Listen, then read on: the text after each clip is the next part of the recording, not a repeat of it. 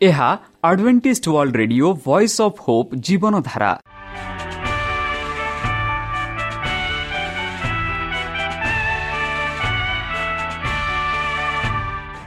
Odia radio କାର୍ଯ୍ୟକ୍ରମ ଯାହା ଆମର ଆନ୍ତର୍ଜାତୀୟ ଆଘାତ କେନ୍ଦ୍ରରୁ ପ୍ରସାରଣ କରାଯାଉଛି ପ୍ରତିଦିନ ରାତି ନଅଟା ତିରିଶ ମିନିଟ୍ରେ। ମୁଁ ସୁବ୍ରତ କୁମାର ପତି ପ୍ରେମର ସହ ଆପଣମାନଙ୍କୁ ଏହି କାର୍ଯ୍ୟକ୍ରମକୁ ସ୍ୱାଗତ କରୁଅଛି।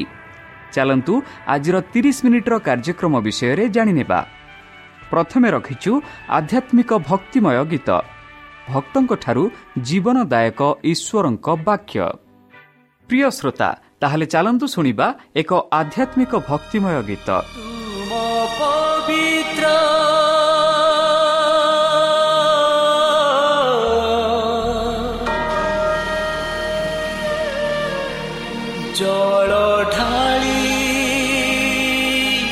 କର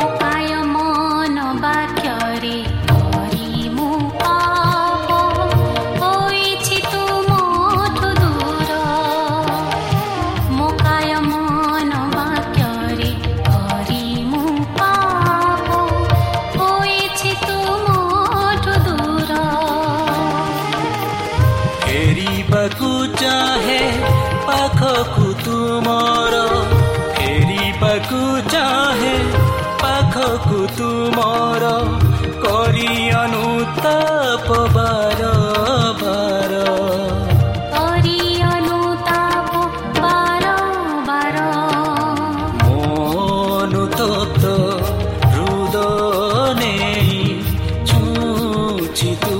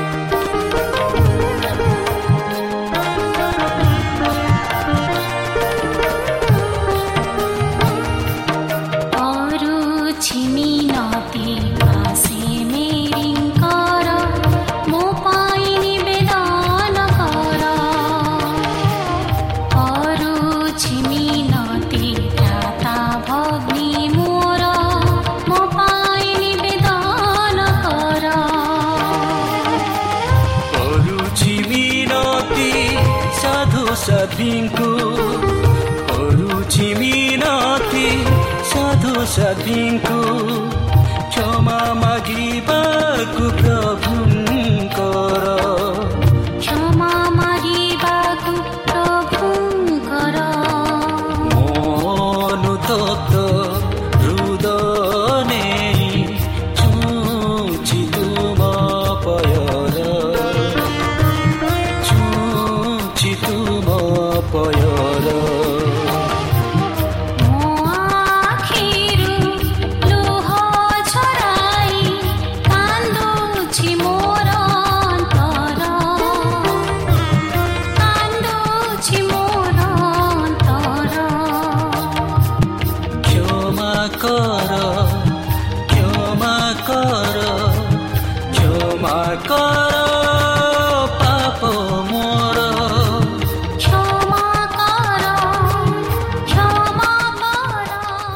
ଠିକଣା Adventist Media Centre SDA Mission Compound Salisbury Park Pune ଚାରି ଏକ ଏକ ଶୂନ ତିନି ସାତ ମହାରାଷ୍ଟ୍ର ବା ଖୋଲନ୍ତୁ ଆମର ୱେବସାଇଟ୍ ଯେକୌଣସି Android phone smartphone desktop laptop କିମ୍ବା ଟ୍ୟାବ୍ଲେଟ୍ ଆମର website W W W dot A W R dot O R G slash O R I ଏବଂ W W W dot Adventist Media Centre India dot O R G Adventist Media Centre ଇଣ୍ଡିଆର spelling ହେଉଛି A D V E N T I S T M E D I A C E N T R E I N D I A ବର୍ତ୍ତମାନ ଚାଲନ୍ତୁ ଶୁଣିବା ଈଶ୍ୱରଙ୍କ ଭକ୍ତଙ୍କଠାରୁ ଈଶ୍ୱରଙ୍କ ଜୀବନଦାୟକ ବାକ୍ୟ।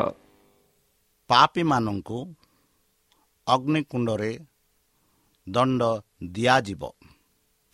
ନମସ୍କାର ପ୍ରିୟ ଶ୍ରୋତା। ସେହି ସର୍ବଶକ୍ତି ସର୍ବଜ୍ଞାନୀ ପ୍ରେମର ସାଗର ଦୟାମୟ ଅନ୍ତର୍ଜମୀ ଅନୁଗ୍ରହ ପରମ ପିତାଙ୍କ ମଧୁର ନାମରେ ମୁଁ ପାଷ୍ଟ ପୂର୍ଣ୍ଣଚନ୍ଦ୍ର ଆଉ ଥରେ ଆପଣମାନଙ୍କୁ ଏହି କାର୍ଯ୍ୟକ୍ରମରେ ସ୍ୱାଗତ କରୁଅଛି। ସେହି ସର୍ବଶକ୍ତି ପରମେଶ୍ୱର ଆପଣମାନଙ୍କୁ ଆଶୀର୍ବାଦ କରନ୍ତୁ। ଆପଣଙ୍କୁ ସମସ୍ତ ପ୍ରକାର ଦୁଃଖ କଷ୍ଟ ବାଧା କ୍ଲେଶରୁ ଦୂରେଇ ରଖନ୍ତୁ। ଶତ୍ରୁ ସୈତାନ ହସ୍ତରୁ ସେ ଆପଣଙ୍କୁ ସୁରକ୍ଷାରେ ରଖନ୍ତୁ। ତାହାଙ୍କ ପ୍ରେମ ତାହାଙ୍କ ସ୍ନେହ ତାହାଙ୍କ କୃପା ତାହାଙ୍କ ଅନୁଗ୍ରହ ସଦାସର୍ବଦା ଆପଣଙ୍କଠାରେ ସହବର୍ତ୍ତୀ ରହୁ। ପ୍ରିୟସତା ଚାଲନ୍ତୁ। ଆଜି ଆମ୍ଭେମାନେ କିଛି ସମୟ ପବିତ୍ର ଶାସ୍ତ୍ର ବାଇବଲଠୁ ତାହାଙ୍କ ବାକ୍ୟ ଧ୍ୟାନ କରିବା। ତାହାଙ୍କ ଜୀବନଦାୟକ ବାକ୍ୟ ଧ୍ୟାନ କରିବା। ବନ୍ଧୁ ଗତକାଲି ଆମେ ଆଲୋଚନା କରୁଥିଲୁ ପାପୀମାନଙ୍କୁ କିପରି ବିଚ୍ଛିନ୍ନ କରାଯିବ? ସେମାନେ କିପରି ବିଚାରିତ କରାଯିବ? ଶୈତାନଙ୍କୁ କିପରି ସେହି ସହସ୍ର ବର୍ଷ ପରେ ଛଡ଼ାଯିବ? ଶୈତାନ କିପରି ସେହି ନଗରକୁ ଆକ୍ରମଣ କରିବା ପାଇଁ ଚେଷ୍ଟା କରିବ। ଆଉ କିପରି ଜୀବନଦାୟକ ପୁସ୍ତକ ଖୋଲା ହେବ ତାହା ବିଷୟରେ ଆମେ ଗତକାଲି ଆଲୋଚନା କରିଥିଲୁ। ଯେପରି ଆମେ ଗତକାଲି ଆଲୋଚନା କରିଥିଲୁ ଚାଲନ୍ତୁ ତାକୁ ଆମେ ଆଉ ଥରେ ପଢ଼ିବା। ପ୍ରକାଶିତ କୋଡ଼ିଏ ଏଗାର ପନ୍ଦର। ଆମେ ସେଠି ଦେଖୁଅଛୁ ତପ୍ତରେ ମୁଁ ଗୋଟିଏ ବୃହତ୍ତ ଶ୍ୱେତବର୍ଣ୍ଣ ସିଂହାସନ ଓ ତଦୁପଦିଷ୍ଟ ବ୍ୟକ୍ତିଙ୍କୁ ଦର୍ଶନ କଲି। ଏଠି ଜହନ ଲେଖନ୍ତି କି ସେ ଜଣେ ଶ୍ୱେତବର୍ଣ୍ଣ ସେ ସେ ଗୋଟିଏ ଶ୍ୱେତବର୍ଣ୍ଣ ସିଂହାସନ ଦେଖିଲେ। ଆଉ ସେହି ଶ୍ୱେତବର୍ଣ୍ଣ ସିଂହାସନରେ ତତ୍ଵବଶିଷ୍ଟ ବ୍ୟକ୍ତିଙ୍କ ଦର୍ଶନ କଲେ ଯିଏକି ପରମେଶ୍ୱର। ତାଙ୍କ ସମ୍ମୁଖରେ ପୃଥିବୀ ଓ ଆକାଶମଣ୍ଡଳ ପଳାୟନ କଲା। ଏହିପରି ତାଙ୍କ ଏହିପରି ସେ ଦେଖିଲେ। ଆଉ ସେମାନଙ୍କ ନିମନ୍ତେ ଆଉ ସ୍ଥାନ ମିଳିଲା ନାହିଁ ସେଇ ପାପୀମାନଙ୍କ ନିମନ୍ତେ ଆଉ ସ୍ଥାନ ମିଳିଲା ନାହିଁ ସେ କହନ୍ତି ମୁଁ ପୁଣି ମୁଁ କ୍ଷୁଦ୍ର ଓ ମହାନ ସମସ୍ତ ମୃତ୍ୟୁ ଲୋକଙ୍କୁ ସିଂହାସନର ସମ୍ମୁଖରେ ଠିଆ ହୋଇବା ହୋଇଥିବାର ଦେଖିଲି ଜହନ ଦେଖନ୍ତି କ୍ଷୁଦ୍ର ଓ ମହାନ ଗରିବ ଓ ଧନୀ ରାଜା ଓ ପ୍ରଜା ସମସ୍ତେ ସେହି ସିଂହାସନ ସମ୍ମୁଖରେ ଠିଆ ହୋଇଥିବାର ସେ ଦେଖିଲେ ଆଉ ସେବେ ଯେବେ ସେ ଦେଖିଲେ ସେ ଦେଖନ୍ତି ପୁସ୍ତକ ସବୁ ଫିଟାଗଲା ଆଉ ଯେବେ ପୁସ୍ତକ ସବୁ ଫିଟାଗଲା ତାପରେ ଜୀବନ ପୁସ୍ତକ ବି ଫିଟାଗଲା ଆଉ ସେହି ପୁସ୍ତକମାନଙ୍କରେ ଲିଖିତ ବିଷୟ ପ୍ରମାଣେ ମୃତ୍ୟୁମାନେ ଆପଣା ଆପଣା କର୍ମ ଅନୁସାରେ ସେମାନଙ୍କୁ ବିଚାରିତ କରାଗଲା ବୋଲି ଆମେ ଦେଖୁଛୁ ଏଠି ଦେଖୁଛୁ ସମୁଦ୍ର ଆପଣାର ମଧ୍ୟବର୍ତ୍ତୀ ମୃତ୍ୟୁମାନଙ୍କୁ ସମର୍ପଣ କଲା ଆଉ ମୃତ୍ୟୁ ଓ ପାତଳ ସେମାନଙ୍କୁ ମଧ୍ୟବର୍ତ୍ତୀ ମୃତ୍ୟୁମାନଙ୍କୁ ସମର୍ପଣ କଲା। ପୁଣି ସେମାନେ ପ୍ରତ୍ୟେକ ଆପଣା ଆପଣା କର୍ମ ଅନୁସାରେ ବିଚାରିତ ହେଲେ। ତତ୍ପରେ ମୃତ୍ୟୁ ଓ ପାତାଳକୁ ଅଗ୍ନିମୟ ହ୍ରଦରେ ପକାଗଲା। ଯେତେ ଲୋକ ପରମେଶ୍ୱରଙ୍କର ଆଜ୍ଞା ମାନିନାହାନ୍ତି ଯେତେ ଲୋକ ଯୀଶୁଖ୍ରୀଷ୍ଟଙ୍କଠାରେ ବିଶ୍ୱାସ କରିନାହାନ୍ତି ଯେତେ ଲୋକ ଧାର୍ମିକମାନଙ୍କୁ ଯେତେ କେହି ଯୀଶୁଙ୍କୁ ବିଶ୍ୱାସ କରୁଥିଲେ ସେମାନଙ୍କୁ ତାଡ଼ନା ଦେଇଥିଲେ ସେମାନେ ସମସ୍ତଙ୍କୁ ଆମେ ପାଉଛୁ ପାତଳକୁ ଅଗ୍ନିମୟ ଦ୍ରବ୍ୟରେ ପକାଗଲା। ଆଉ ଏହା ହେଉଛି ଶେଷ ମୃତ୍ୟୁ। ଆ ପରେ ଦ୍ୱିତୀୟ ମୃତ୍ୟୁ ନାହିଁ ବୋଲି ଆମେ ଦେଖୁଅଛୁ। ଆଉ ଯେତେ ଲୋକ ଯାହାର ନାମ ସେହି ଜୀବନ ପୁସ୍ତକରେ ଲେଖା ଥିଲା ସେମାନେ ସ୍ୱର୍ଗରାଜ ଗଲେ ଆଉ ଯାହାର ନାମ ଗୁଡ଼ାକ ଜୀବନ ପୁସ୍ତକରେ ନ ଲେଖା ଥିଲା ବା ନ ଦେଖାଗଲା ତାହାଙ୍କୁ ଅଗ୍ନିମୟ ହ୍ରଦରେ ପକାଗଲା ବୋଲି ଆମେ ଆମେ ଦେଖୁଅଛୁ ଏଥିଯୋଗୁଁ ଆଜିର ଆଲୋଚନା ହେଉଛି କି wicked will be punished in hell of fire ମାନେ ପାପୀମାନଙ୍କୁ ଅଗ୍ନିକୁଣ୍ଡରେ ଦଣ୍ଡ ଦିଆଯିବ ବନ୍ଧୁ ଦ୍ୱିତୀୟ ପିତର ତିନି ସାତରେ ଆମେ ପାଉଛୁ ପୁଣି ଏହି ବର୍ତ୍ତମାନ ଆକାଶ ମଣ୍ଡଳ ଓ ପୃଥିବୀ ସେହି ବାକ୍ୟ ଦ୍ୱାରା ଧାର୍ମିକ ଲୋକମାନଙ୍କୁ ବିଚାର ବିନାଶ ଦିନ ପର୍ଯ୍ୟନ୍ତ ସଞ୍ଚିତ ହୋଇ ଅଗ୍ନି ନିମନ୍ତେ ରକ୍ଷିତ ହୋଇଅଛନ୍ତି ଦେଖନ୍ତୁ କେଡ଼େ ସୁନ୍ଦର ଭାବରେ ପିତର ଆମମାନଙ୍କୁ ଲେଖୁଅଛନ୍ତି କି ଧାର୍ମିକମାନଙ୍କୁ ସଞ୍ଚିତ କରି ରଖିଅଛନ୍ତି ପୁଣି ଏହି ବର୍ତ୍ତମାନ ଆକାଶ ମଣ୍ଡଳ ଓ ପୃଥିବୀ ସେହି ବାକ୍ୟ ଦ୍ୱାରା ଅଧାର୍ମିକ ଲୋକମାନଙ୍କୁ ବିଚାର ବିନା ବିନାଶର ଦିନ ପର୍ଯ୍ୟନ୍ତ ସଞ୍ଚିତ ହୋଇ ଅଗ୍ନି ନିମନ୍ତେ ରଖି ରକ୍ଷିତ ହୋଇଛନ୍ତି। ଆମେ ବେଲେ ବେଲେ ଆମମାନଙ୍କୁ ଆମମାନଙ୍କୁ ମନକୁ ଏକ ଦ୍ୱନ୍ଦ୍ୱ ପ୍ରକାର ପ୍ରଶ୍ନ ଆସିଥାଏ କି ମୁଁ ଏତେ ଭଲ କାମ କରୁଛି ଯୀଶୁଖ୍ରୀଷ୍ଟଙ୍କୁ ବିଶ୍ୱାସ କରୁଛି। ଆଉ ମୋ ସମ୍ମୁଖରେ ଏତେ ଅଧାର୍ମିକ କାମ ଏଇ ଲୋକମାନେ କରୁଛନ୍ତି ଏତେ ପାପ କାମ କରୁଛନ୍ତି ଏତେ ଦୁଷ୍କର୍ମ କରୁଛନ୍ତି ସେମାନେ ତ ଦୀର୍ଘ ସମୟରେ ବଞ୍ଚୁଛନ୍ତି ଧନୀ ହେଉଛନ୍ତି ନାମ ଅର୍ଜନ କରୁଛନ୍ତି। ମୁଁ ପ୍ରଭୁଙ୍କୁ ସେବା କରୁଛି ପ୍ରଭୁଙ୍କର କାର୍ଯ୍ୟ କରୁଛି ପ୍ରଭୁଙ୍କର ବାକ୍ୟ କହୁଛି ମୁଁ ସେପରି ଆଶୀର୍ବାଦ ପ୍ରାପ୍ତ ହେଉନି ଏହିପରି ହୋଇପାରେ ମନେ ପ୍ରଶ୍ନ ଉଠିପାରେ। ଆଉ ସେଇ ପ୍ରଶ୍ନର ଉତ୍ତର ଆମେ ପାଉଛୁ ବନ୍ଧୁ ଏଠି କି ପିତର ଲେଖନ୍ତି ଯେତେ ଲୋକ ଅଧାର୍ମିକ କାର୍ଯ୍ୟ କରୁଛନ୍ତି ପରମେଶ୍ୱର ସେହି ବିଚାର ଦିନ ପାଇଁ ସେମାନଙ୍କୁ ସଞ୍ଚିତ ରଖିଛନ୍ତି। ସେମାନଙ୍କ ବିନାଶ ପାଇଁ ସେମାନଙ୍କୁ ସଞ୍ଚିତ ରଖିଛନ୍ତି। ଯେପରି ସେମାନେ ସେହି ସମୟରେ ଅଗ୍ନିରେ ଫିଙ୍ଗା ଯିବେ ଅଗ୍ନିରେ ନଷ୍ଟ ହୋଇଯିବେ। ମାର୍କ ନଅ ତେୟାଳିଶ ଅଡ଼ଚାଳିଶ ସେଠି ଆମେ ପାଉଛୁ ଏହିପରି ପୁଣି ତୁମର ହସ୍ତ ଯଦି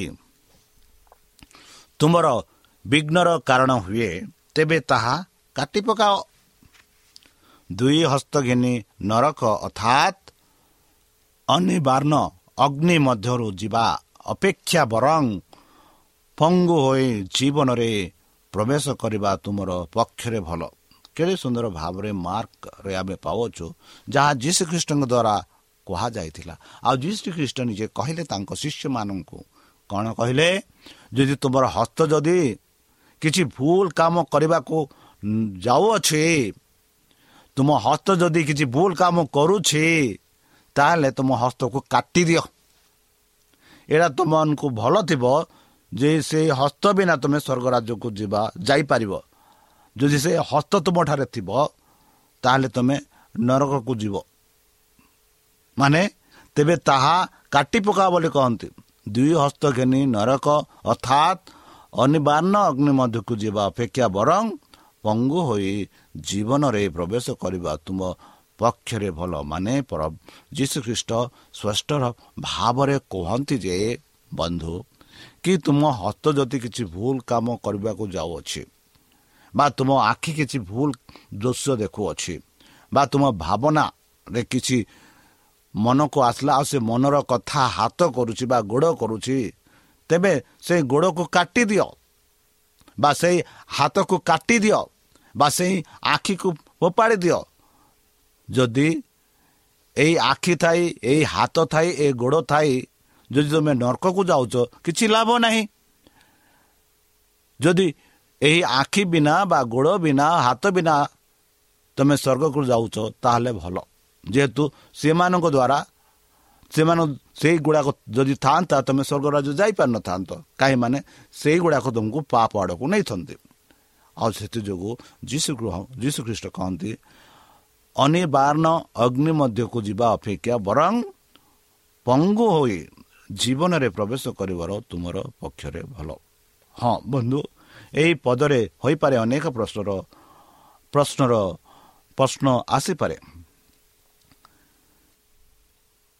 କାରଣ ନରକରେ ସେମାନଙ୍କର କୀଟ କ୍ଷୟ ପାଏ ନାହିଁ ଆଉ ଅଗ୍ନି ନିର୍ବାପିତ ହୁଏ ନାହିଁ। ଆଉ ତୁମର ପାଦ ଯଦି ତୁମର ବିଘ୍ନର କାରଣ ହୁଏ ତେବେ ତାହା କାଟି ପକାଅ। ଦୁଇ ପାଦ ଘେନି ନରକରେ ନିକ୍ଷିପ୍ତ ହେବା ଅପେକ୍ଷା ବରଂ ଖଞ୍ଜି ହୋଇ ଜୀବନରେ ପ୍ରବେଶ କରିବା ତୁମର ଭଲ ବୋଲି ଯୀଶୁ ଯୀଶୁଖ୍ରୀଷ୍ଟ କହୁଛନ୍ତି। କାରଣ ନରକରେ ସେମାନଙ୍କର କୀଟ କ୍ଷୟ ପାଏ ନାହିଁ ଆଉ ଅଗ୍ନି ନିର୍ବାପିତ ହୁଏ ନାହିଁ। ପୁଣି ତୁମର ଚକ୍ଷୁ ଯଦି ତୁମର ବିଘ୍ନର କାରଣ ହୁଏ ତେବେ ତାହା ଉପାଡ଼ି ପକାଅ। ଦୁଇ ଚକ୍ଷୁ ଘେନି ନରକରେ ନିକ୍ଷିପ୍ତ ହେବା ଅପେକ୍ଷା ବରଂ ଏକ ଚକ୍ଷୁ ଘେନି ଈଶ୍ୱରଙ୍କ ରାଜ୍ୟରେ ପ୍ରବେଶ କରିବା ତୁମ ପକ୍ଷରେ ଭଲ।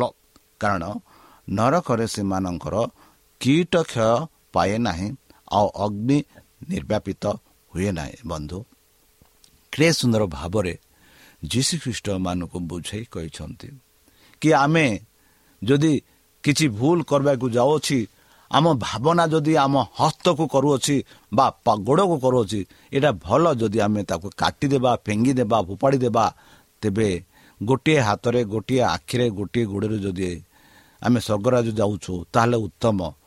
ଯଦି ଆମେ ଏ ଦୁଇଟା ଆଖି ଦୁଇଟା ଗୋଡ଼ ଦୁଇଟା ହାତ ରହି ଯଦି ସେଇ ଦୁଇଟା ହାତ ଦ୍ୱାରା ଆମେ ପାପ କରୁଛୁ ଈଶ୍ୱରଙ୍କ ବିରୁଦ୍ଧରେ ଯାଉଅଛୁ ଆଉ ନରକୁ ଯାଉଛି ତାହା ଉତ୍ତମ ନୁହେଁ। ବନ୍ଧୁ ଦ୍ୱିତୀୟ ପିତର ତିନି ତେରରେ ଆମେ ପାଉଅଛୁ ଆଉ ଏକ ସୁନ୍ଦର ପଦ ଆମେମାନେ ତାହାଙ୍କ ପ୍ରତିଜ୍ଞାନୁସାରେ ଗୋଟିଏ ନୂତନ ଆକାଶ ମଣ୍ଡଳ ଓ ନୂତନ ପୃଥିବୀର ଅପେକ୍ଷାରେ ଅଛୁ ଯାହା ଧାର୍ମିକତାର ଅବାତଳ ହେବ ବନ୍ଧୁ ଆମେ ସମସ୍ତେ ତାହାଙ୍କ ପ୍ରତିଜ୍ଞା ଅନୁସାରେ ଗୋଟିଏ ନୂତନ ଆକାଶ ମଣ୍ଡଳ ଓ ନୂତନ ପୃଥିବୀରେ ଆମେ ସମସ୍ତେ ଅପେକ୍ଷାରେ ଅଛୁ ଯେହେତୁ ସେହି ନୂତନ ପୃଥିବୀ ସେହି ନୂତନ ଆକାଶ ସେହି ନୂତନ ରାଜ୍ୟ ଧାର୍ମିକମାନଙ୍କର ବାସସ୍ଥାନ ହେବ ବୋଲି ଆମେ ଦେଖୁଅଛୁ। ଆଉ ସେହି ଧାର୍ମିକମାନଙ୍କର ବାସସ୍ଥାନ ସେମାନଙ୍କର ଏକ ହେବା ପାଇଁ ଯଦି ଆମେ ଚାହୁଁଅଛୁ ତାହେଲେ ନିଶ୍ଚିତ ଭାବରେ ତାଙ୍କ ଆଜ୍ଞା ଅନୁସାରେ ଆମେ ରହିବାକୁ ପଡ଼ିବ। ତାଙ୍କ ଆଜ୍ଞା ଅନୁସାରେ ଏମାନଙ୍କୁ ଚାଲିବାକୁ ପଡ଼ିବ। ମାଥିଓ ପାଞ୍ଚ ପାଞ୍ଚରେ ଆମେ ଦେଖୁଅଛୁ ବନ୍ଧୁ ଧାର୍ମିକତା ନିମନ୍ତେ କ୍ଷୁଦିତ ଓ ତୃଷିତ ଲୋକେ ଧନ୍ୟ କାରଣ ସେମାନେ ପରିତୃପ୍ତ ହେବେ। ଯୀଶୁଖ୍ରୀଷ୍ଟ କହିଲେ କି ଯେତେ ଲୋକ ଧାର୍ମିକ ନିମନ୍ତେ କ୍ଷୁଦିତ ତ୍ରୁତିତ ଆଉ ସେମାନେ କ'ଣ? ଧନ୍ୟ। କାହିଁ ସେମାନେ ଧନ୍ୟ? କାରଣ ସେମାନଙ୍କୁ ପରିତୃପ୍ତ ହେବେ ବୋଲି ଯୀଶୁଖ୍ରୀଷ୍ଟ ନିଜେ କହିଥିଲେ। ଜେରିମିୟ ଭବିଷ୍ୟତ ବକ୍ତା ଲେଖନ୍ତି ପୁରାତନ ନିୟମରେ ଜେରିମିୟ ସତର ସତାଇଶରେ ସେ ଲେଖନ୍ତି ଏହିପରି ମାତ୍ର ଯେତେ ଯେବେ ତୁମ୍ଭେମାନେ ଆମ ବାକ୍ୟରେ ଅବଧାନ ନ କରି ବିଶ୍ରାମ ଦିନକୁ ପବିତ୍ର ରୂପେ ପାଳନ ନ କର ଓ ବିଶ୍ରାମ ଦିନରେ ଭୋଜ ବହି ଜୁରୁସାଲାମର ଦ୍ୱାରରେ ପ୍ରବେଶ କର। ତେବେ ଆମ୍ଭେ ତହୁରୁ ଦ୍ୱାର ସମୂହରେ ଅଗ୍ନି ଜ୍ୱଳାଇବା।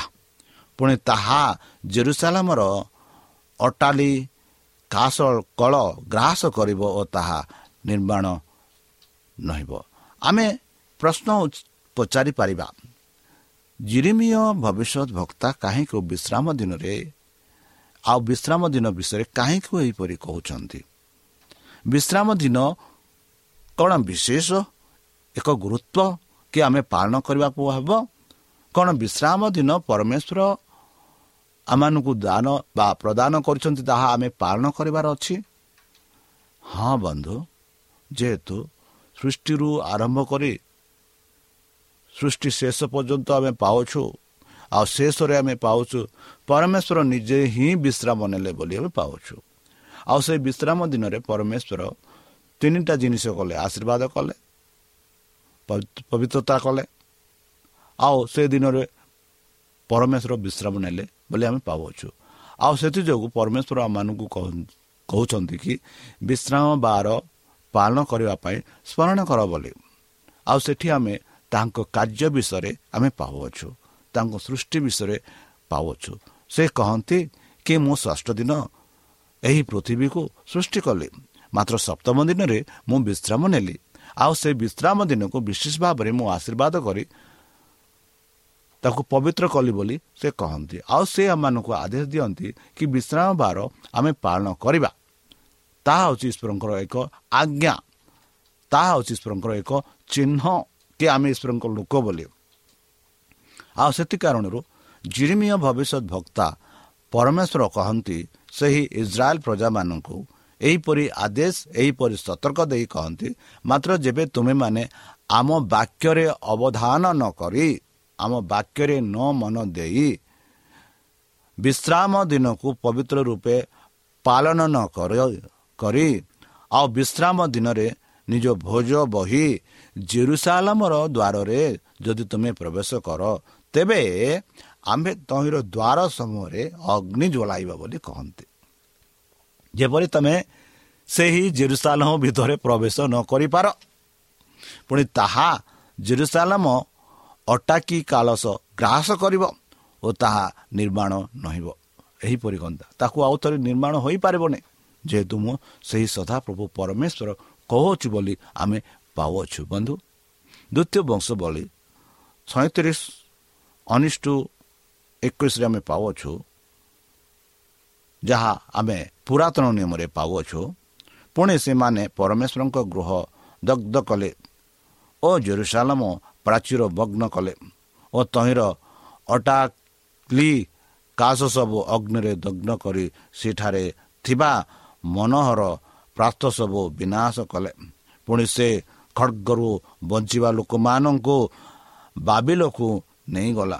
ତହିଁରେ ପାରସିକ ରାଜ୍ୟ ସ୍ଥାପନ ପର୍ଯ୍ୟନ୍ତ ସେମାନେ ତାହାର ଓ ତାହାର ସନ୍ତାନଗଣର ଦାସ ହୋଇ ରହିଲେ।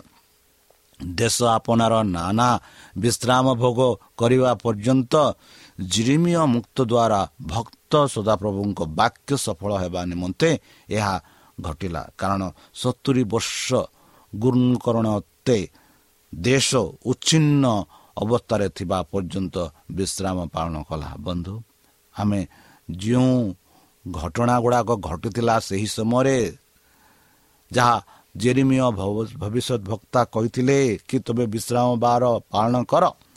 ଆଉ ଯେବେ ସେମାନେ ବିଶ୍ରାମ ବାର ପାଳନ କଲେ ନାହିଁ ତାଙ୍କ ମନ ଇଚ୍ଛାରେ ଚାଲିଲେ ପରମେଶ୍ୱର ସେମାନଙ୍କୁ କୀର୍ତ୍ତଦାସ ଉପରେ ଅନ୍ୟ ଦେଶମାନଙ୍କୁ ନିର୍ମିତ କରିଥିଲେ।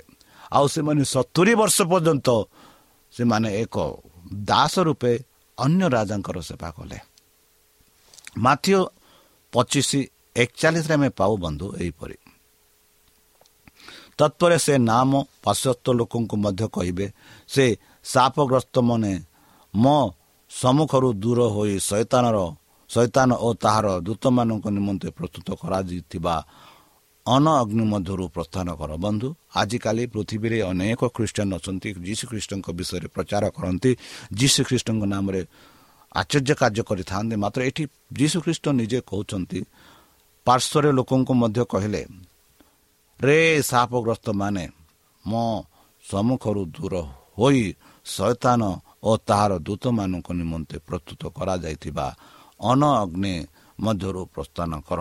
ଆଉ ଯଦି ତାର ଆଗ ପଦ ଯଦି ଦେଖିବା ସେଠି କହନ୍ତି ପରମେଶ୍ୱର କହନ୍ତି ଯେଉଁମାନେ ମୋ ପିତାଙ୍କ ଆଜ୍ଞା ମାନୁନାହାନ୍ତି ପିତାଙ୍କ ଆଜ୍ଞା କ'ଣ? ଆମେ ଜାଣିଛୁ। ସେମାନେ କେବେ ହେଲେ ତାଙ୍କୁ ଆଜ୍ଞା ମାନୁନାହାନ୍ତି ଆଉ ଯୀଶୁଖ୍ରୀଷ୍ଟ ମଧ୍ୟ କହିଲେ ଯେତେ ଯେ କେହି ମୋତେ ବିଶ୍ୱାସ କରୁଛନ୍ତି ପ୍ରେମ କରୁଛନ୍ତି ବୋଲି କହନ୍ତି ଯଦି ସେମାନେ ମୋର ପିତାଙ୍କ ଆଜ୍ଞା ମାନ ମାନୁନାହାନ୍ତି ସେମାନେ ଭଣ୍ଡ ଖ୍ରୀଷ୍ଟିଆନ ମାନେ ମିଥ୍ୟାବାଦୀ ମାନେ ମାନେ ବୋଲି ପବିତ୍ର ଶାସ୍ତ୍ର ବାଇବଲ କହୁଅଛି। ବନ୍ଧୁ ଆଗରେ ଦ୍ୱିତୀୟ ପିତର ଦୁଇ ଛଅରେ ଆମେ ଦେଖୁଛୁ ସେ ପୁରାତନ ଜଗତକୁ ମଧ୍ୟ ଛାଡ଼ିଲେ ନାହିଁ। କିନ୍ତୁ କେବଳ ଧର୍ମ ପ୍ରଚାରକ ନହଙ୍କ ଅନ୍ୟ ସତ ଜନ ସହିତ ରକ୍ଷା କରି ଧର୍ମ ଭ୍ରଷ୍ଟ ଜଗତରେ ଜଳପ୍ଲାବନ ଘଟାଇଲେ। ବନ୍ଧୁ ଆମେ ଦେଖୁଅଛୁ ସେ ପୁରାତନ ସମୟରେ ଯେବେ ଜଳପ୍ଲାବନ ହେଇଥିଲା ସେତେବେଳେ ମଧ୍ୟ ପରମେଶ୍ୱର ସେତେବେଳେ ମଧ୍ୟ ସେ ଲୋକକୁ ଛାଡ଼ିନି ଖାଲି ଆଠ ଜଣ ବଞ୍ଚିଥିଲେ। ତାହେଲେ ପରମେଶ୍ୱର ଯାହା ଯାହା କହିଛନ୍ତି ନିଶ୍ଚିତ ରୂପେ ଏଇଟା ଘଟିବ। ନିଶ୍ଚିତ ରୂପେ ଯୀଶୁଖ୍ରୀଷ୍ଟ ଆସିବେ ତାହେଲେ ଆମେ ନିଜେ ପ୍ରସ୍ତୁତ ହେବା ତାହାଙ୍କ ଆଜ୍ଞା ମାନି ଚାଲିବା ସେଇ ବିଶ୍ରାମ ଦିନ ପାଳନ କରିବା ଯେପରିକି ଆମେ ସ୍ୱର୍ଗ ରାଜ୍ୟ ଯିବା ପାଇଁ ଯୋଗ୍ୟତା ହୋଇପାରିବା ତାହେଲେ ଚାଲନ୍ତୁ ନିଜକୁ ସମର୍ପଣ କରି ତାହାଙ୍କ ମଧୁର ନାମରେ ଏକ ଛୋଟ ପ୍ରାର୍ଥନା କରିବା ହେ ଆମ୍ଭମାନଙ୍କ ସର୍ବଶକ୍ତି ସର୍ବଜ୍ଞାନୀ ପ୍ରେମର ସାଗର ଦୟାମୟ ଅନ୍ତର୍ଜୀବୀ ଅନୁଗ୍ରହ ପରମ ପିତା ଧନ୍ୟବାଦ ଅର୍ପଣ କରୁଛୁ ପ୍ରଭୁ ବର୍ତ୍ତମାନ ଯେଉଁ ବାକ୍ୟ ତୁମ ସେ ଭକ୍ତମାନଙ୍କୁ ଶୁଣାଇଛନ୍ତି ସେହି ବାକ୍ୟ ଅନୁସାରେ ଏମାନଙ୍କୁ ଚାଲିବା ପାଇଁ ବୁଦ୍ଧିରେ ଜ୍ଞାନରେ ଶକ୍ତିରେ ପରିପୂର୍ଣ୍ଣ କର। ଆମ ପାପ ସବୁ ତୁମ ସେହି ବହୁମୂଲ୍ୟ ରକ୍ତରେ ପରିଷ୍କାର ରୂପେ ଧୋଇଦିଅ ଆଉ ପରିଶେଷ ଯେବେ ତୁମେ ତୁମ ସେହି ସହସ୍ରଦୂତଙ୍କ ସହ ଆସିବେ ସେତେବେଳେ ଏମାନଙ୍କୁ ଏକ ବାସସ୍ଥାନ ଦିଅ ବୋଲି ତ୍ରାଣକର୍ତ୍ତା ପ୍ରଭୁ ଯୀଶୁଙ୍କ ମଧୁରମୟ ନାମରେ ଏହି ଛୋଟ ବିକ୍ଷମ ଅଛି ତୁମେ ଗ୍ରହଣ କର। ଆମେନ୍। প্রিয় শ্রোতা আমি আশা করুଛୁ ଯେ ଆମର କାର୍ଯ୍ୟକ୍ରମ ଆପଣମାନଙ୍କୁ ପସନ୍ଦ ଲାଗୁଥିବ ଆପଣଙ୍କର ମତାମତ ଜଣାଇବା ପାଇଁ ଆମର ଏହି ଠିକଣାରେ ଯୋଗାଯୋଗ କରନ୍ତୁ ଆମ ଠିକଣା Adventist Media Centre S D A Mission Compound Salisbury Park Pune ଚାରି ଏକ ଏକ ଶୂନ ତିନି ସାତ ମହାରାଷ୍ଟ୍ର ବା ଖୋଲନ୍ତୁ ଆମର ୱେବସାଇଟ୍ ଯେକୌଣସି Android phone smartphone desktop laptop କିମ୍ବା ଟ୍ୟାବ୍ଲେଟ୍ ଆମର website W W W dot A W R dot O R G slash O R I ଏବଂ W W W dot Adventist Media Centre India dot O R G Adventist Media Centre ଇଣ୍ଡିଆର spelling ହେଉଛି A D V E N T I S T M E D I A C E N T R E I N D I A ଅଥବା download କରନ୍ତୁ ଆମର mobile app ଆପଣଙ୍କର mobile Play ଷ୍ଟୋରକୁ ଯାଆନ୍ତୁ ଆଉ type କରନ୍ତୁ the voice of Hope ଆଉ download କରନ୍ତୁ। ଈଶ୍ୱର ଆପଣଙ୍କୁ ଆଶୀର୍ବାଦ କରନ୍ତୁ। ଧନ୍ୟବାଦ।